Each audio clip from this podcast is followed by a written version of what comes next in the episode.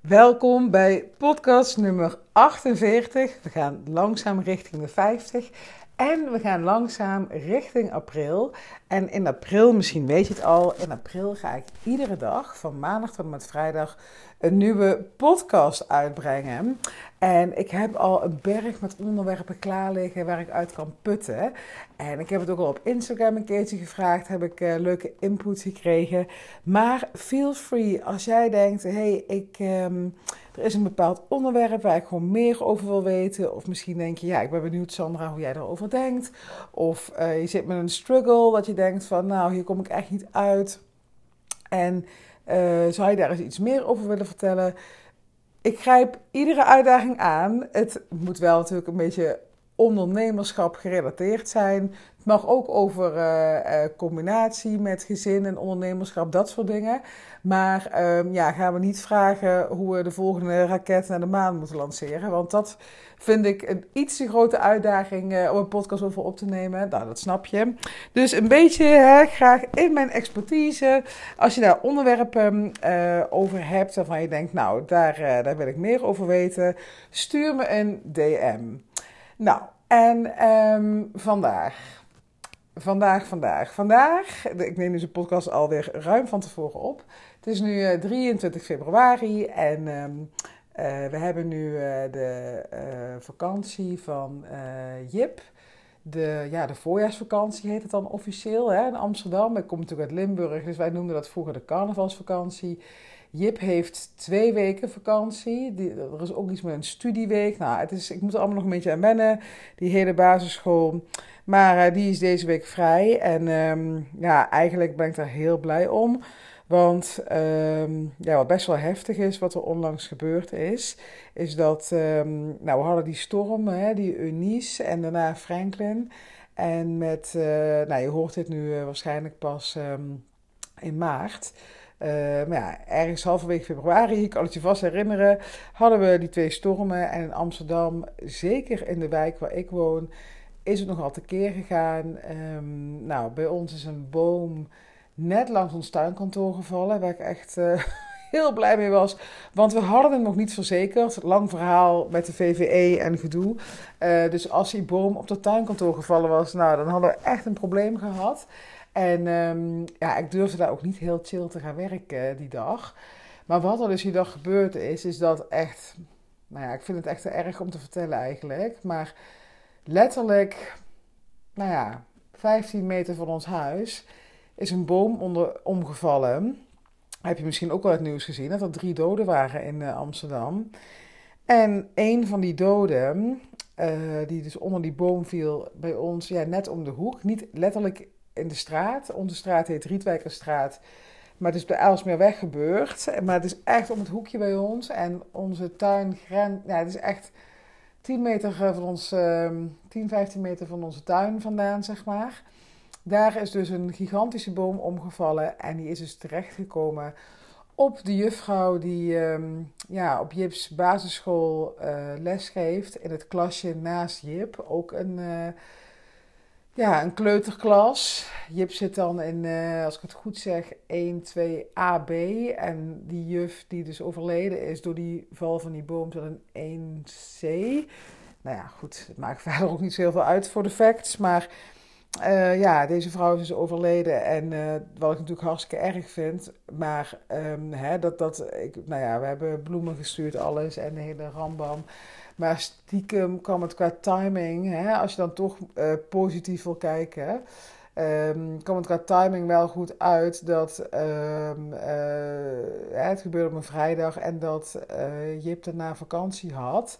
En de andere kindjes van, um, ja, van de kleuterklas natuurlijk. Dat je nog een beetje die kinderen kan voorbereiden. Dat ze niet opeens op maandagochtend, hé, hey, de juf is er niet meer.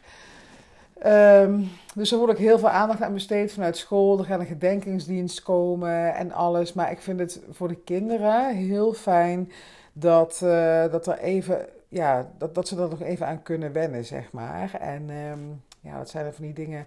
Moet je met een kleuter uh, gaan bespreken hoe de dood in elkaar zit. Nou, ik laat me dan vooral uh, door adviseren door de school wat we wel en wat we niet moeten zeggen. Ehm, maar het kan even goed zo zijn dat Jip het niet eens echt doorheeft, nu op dit moment. Dus we laten het ook nog eventjes zo. Maar ehm, ja, allemaal heftige dingen dus. Uh, met die stomme storm. En ik uh, ben blij dat het weer een beetje rustiger is.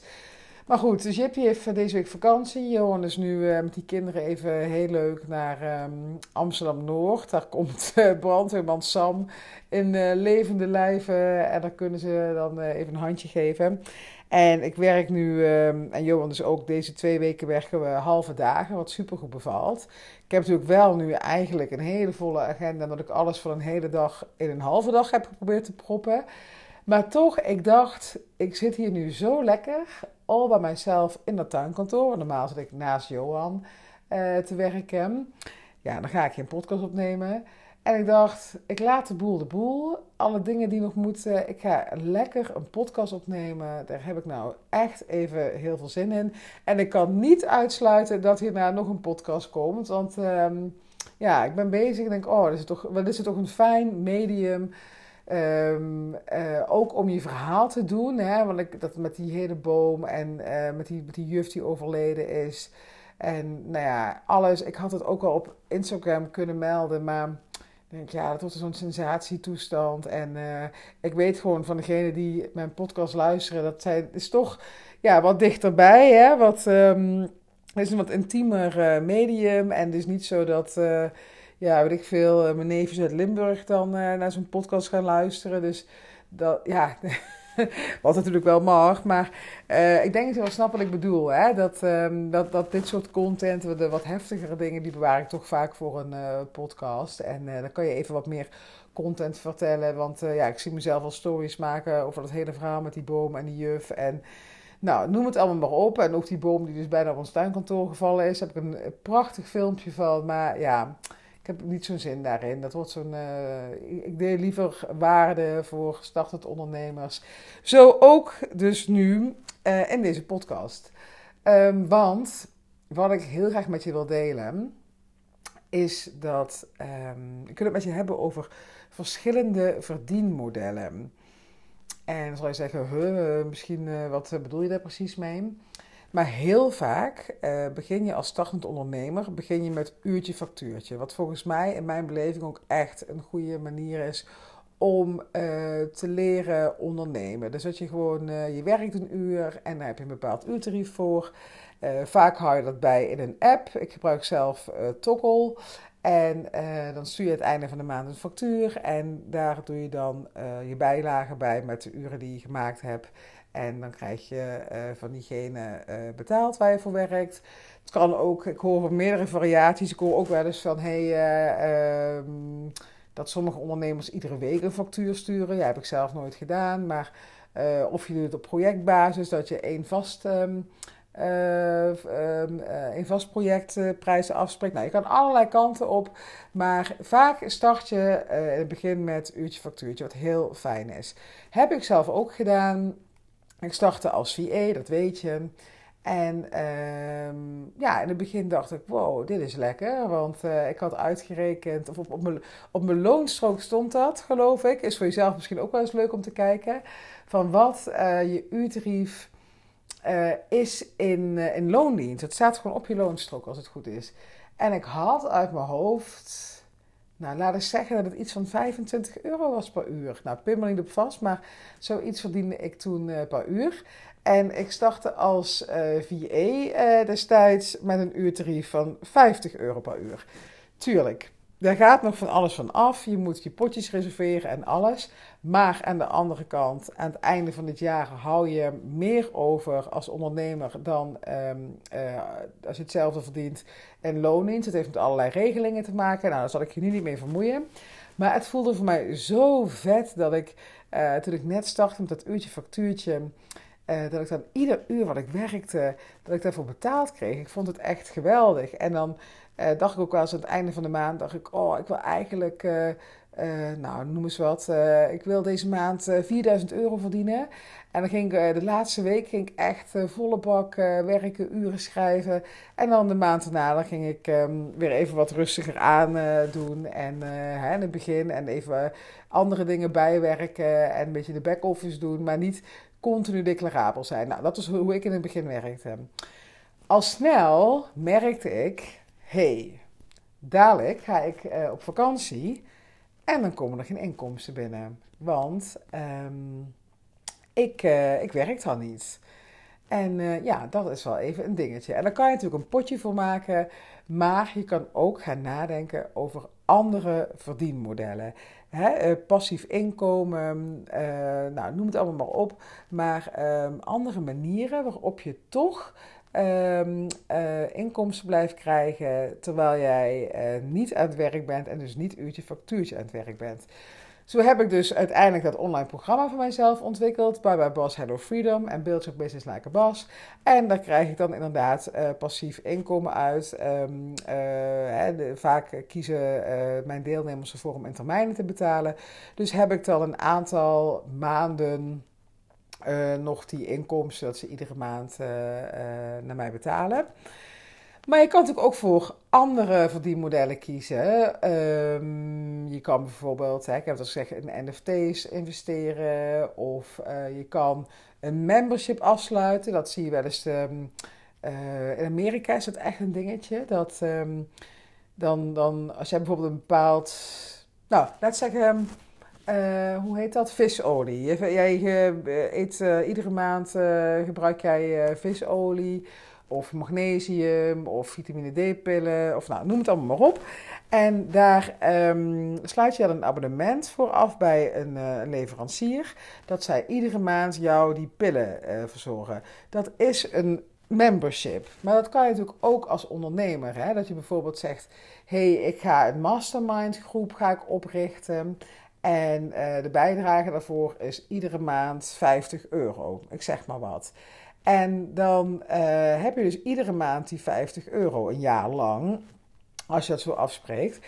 En zo kun je dus over allerlei um, um, ja, producten en diensten verschillende verdienmodellen bedenken. Nou, en waarom is dat nou zo uh, belangrijk als ondernemer? Omdat je op jezelf uiteindelijk bent aangewezen. En als het ene verdienmodel wegvalt, dat je nog een ander verdienmodel hebt. En um, de aanleiding waarom ik deze podcast opneem is omdat ik. Um, uh, ik had natuurlijk laatst mijn. Nou, dat is voor jou nu, nu dat hoort, dus al een tijdje geleden. Maar ik had dus uh, laatst een lancering uh, van Bye Bye Boss Hello Freedom. Had ik nul aanmeldingen. En dat hakt er financieel nogal in als je ervan uitgaat van... hé, hey, ik ga misschien wel vier, vijf klanten krijgen. Um, en die inkomsten die mis je dus dan. En stel nou dat ik geen tweede, derde, vierde verdienmodel had gehad, dan had ik wel even zitten kijken. Dus hè, om het in het Engels te zeggen, don't put all your eggs in one basket. Ga spreiden. Ga echt kijken van wat kan ik als ondernemer nog meer doen of nog meer aanbieden om niet van één inkomstenbron afhankelijk te zijn. Je kan um, ik had ook iemand die heeft een uh, extra appartement genomen. En dan krijgen ze iedere maand sowieso al, uh, ik geloof, 1500 euro huur. Dan heb je dat altijd tenminste nog. Maar er zijn, hè, ik wil je gewoon heel erg bewust maken van... hey, um, als je alleen maar op uurtje factuurtje werkt, dat is een risico. Ga kijken of er nog meer mogelijk is. Maar ook als je zegt van, hey, ik ga al, alleen voor zo'n passief inkomen... Hè, zoals een online programma dat is ook een risico, want je kan dus inderdaad soms geen klanten hebben. Dus uh, ik heb nu zelf ook een soort mengelmoes met dat ik dus en nog op uurtariefbasis werk en met trajecten werk, um, uh, met uh, mijn online programma werk. Membership heb ik niet. Op de een of andere manier ik sluit dat niet uit dat ik, niet, dat ik niet ooit eens ga doen. Ik heb trouwens ook nog, dat moet ik ook bij vertellen, samenwerkingen, hè, affiliates. Dat uh, als ik mensen doorverwijs uh, naar het een of het ander, krijg ik daar um, uh, inkomsten uit. Hè, noem bijvoorbeeld um, het, het MPOP-programma. Wat ik heb gedaan met Simone Levy. Als iemand via mijn daar terecht komt en ook het programma afneemt, dan krijg ik daar een commissie voor. Uh, nou, zo heb ik uh, allerlei samenwerkingen lopen. Ik werk met een, uh, een jurist samen die algemene voorwaarden en privacyverklaringen maakt. Krijg ik ook 10% voor als ik mijn klanten daar naartoe stuur. Nou, zo heb ik dus allemaal van die um, verschillende verdienmodellen, zodat ik niet um, sta te kijken als het ene verdienmodel niet meer werkt of als het niet kan werken. En ja, dus dat, daar ben ik me heel bewust van. Het kan, ik kan het nog veel beter doen, maar goed, hè, het blijft een, uh, een ontwikkelingsreis. Want uh, uiteindelijk lijkt mij dus ook wel heel vet om echt een pand te hebben dat te verbouwen, ook uh, voor je pensioen, maar dat je dan dus uiteindelijk um, daar inkomsten uit gaat krijgen van een huurder die je erin zet. Lijkt me heel vet om te hebben. Maar op dit moment denk ik, ja, ik, ik ben nog zo, hè. Ik ben zelf ook nu 2,5 jaar ondernemer. Ik wil dit eerst echt op de rit hebben voordat ik, ja, als ik nu weer met, met zo'n pand aan de gang ga, dat leidt zo af van deze uh, business. En dat is wel het spanningsveld waar je op zit, hè. Dat je aan de ene kant, je wil je bedrijf omhoog, hè, de, lucht in krijgen. Aan de andere kant weet je van, hé, hey, ik moet ook gaan kijken naar andere verdienmodellen om um, hè, mijn risico te spreiden. Uh, maar ja, als ik dat ga doen, leidt het dan weer af van mijn inkomsten. En zo moet je echt goed kijken naar uh, hoe het voor jou handig is om te doen. En vooral rendabel is om te doen. Wat ik zelf doe, is dat ik de eerste van de maand altijd ga zitten. Uh, en ga kijken naar, hoe, mijn financiële overzicht. Hè. Wat, zijn mijn, wat was mijn omzet, wat waren mijn kosten, mijn winst. Uh, waar ga ik komende maand nog inkomsten uithalen? En heb ik mijn omzetdoel gerealiseerd? En dat je echt gaat kijken van, hé, hey, um, gewoon strategisch aan de gang gaat met je geld. Want het is uiteindelijk echt belangrijk. Ik hoor wel eens ondernemers zeggen van, uh, ja, het gaat me niet om het geld. Ja, dat snap ik. Je wilt uiteindelijk gewoon je, passie leven. Maar om dat te kunnen doen, wil je... ik denk dat het een soort van kettingreactie is van... Um, om te kunnen doen wat je wilt doen, je, je, je, um, uh, je beroep uitoefenen of je ondernemerschap, je bedrijf uh, invulling geven. Dat kan alleen maar als jij genoeg inkomsten hebt, waardoor je dus ook weer meer vrijheid creëert en waardoor je ontspannen kan ondernemen. En dan gaat het dus niet eens om het geld, dat je heel veel geld moet verdienen, maar het gaat erom wat je ermee kan doen. Dat jij dus dan ontspannen kunt ondernemen. Dat jij eens een dag vrij kan nemen. Dat jij eens een keer lekker op vakantie kan. En dat er inspiratie tot je kan komen. En dat je niet verkrampt hoeft te denken: hé, hey, wat nou als ik mijn hypotheek niet kan betalen einde van de maand? Dat allemaal. Dus um, ja, hou daar gewoon echt rekening mee. En uh, geld is echt geen vies woord. Het is. Um, hoorde Kim Munnekom laat zeggen: het is je geboorterecht om uh, geld in overvloed te ervaren. Ja, vind ik best wel. Um, ja, ik, ik, voel dat niet helemaal, maar ik vind het wel een hele mooie uitspraak. Hè? Het is je geboorterecht voor iedereen om uh, geld in overvloed te hebben. En uh, ja, daar zou ik zelf van naartoe willen. Dat ik zo'n mindset echt heb van er is altijd genoeg voor iedereen. En ik geloof dat wel, maar ik voel dat nog niet helemaal. Dus ja, wat ik eigenlijk met deze podcast wil bereiken, is dat jij gaat nadenken van... hey, hoe kan ik uh, nog meer verdienmodellen toepassen in mijn bedrijf... zodat ik niet alleen afhankelijk ben van uh, die ene klant... of dat je niet met mensen hoeft samen te werken waarmee je eigenlijk niet wil samenwerken... Want ja, dat is niet wat um, ja, ondernemerschap voor is. Hè. Je wil zelf de regels bepalen, zelf bepalen met wie je werkt, hoe je werkt, wanneer je werkt. Dus ja, creëer die vrijheid voor je. En aan de, uh, aan de zijkant wil ik je dan toch ook meegeven van um, Rome is ook niet in één dag gebouwd. Het is geen sprint, het is een marathon. Doe het stapje voor stapje, maar bewustwording is al ontzettend belangrijk. En ja, daarmee ga ik deze podcast afsluiten. Ik hoop dat je er iets aan gehad hebt. Dat je ja, um, uh, voor jezelf hè, een bepaalde bewustwording gecreëerd hebt van hey, uh, wat zou voor mij nou nog een ander mooi verdienmodel zijn? En als je het een waardevolle podcast vindt, zal je dan eventjes op Spotify mij uh, sterretjes willen geven, het liefst vijf natuurlijk, zodat mijn podcast beter gerankt wordt, irritant wordt, gerankt wordt en beter gevonden wordt en ja, zodat we meer vrouwen kunnen motiveren voor het ondernemerschap. En uh, ja, alvast bedankt als je dat zou willen doen. En uh, ik wens je een hele fijne dag en tot de volgende podcast.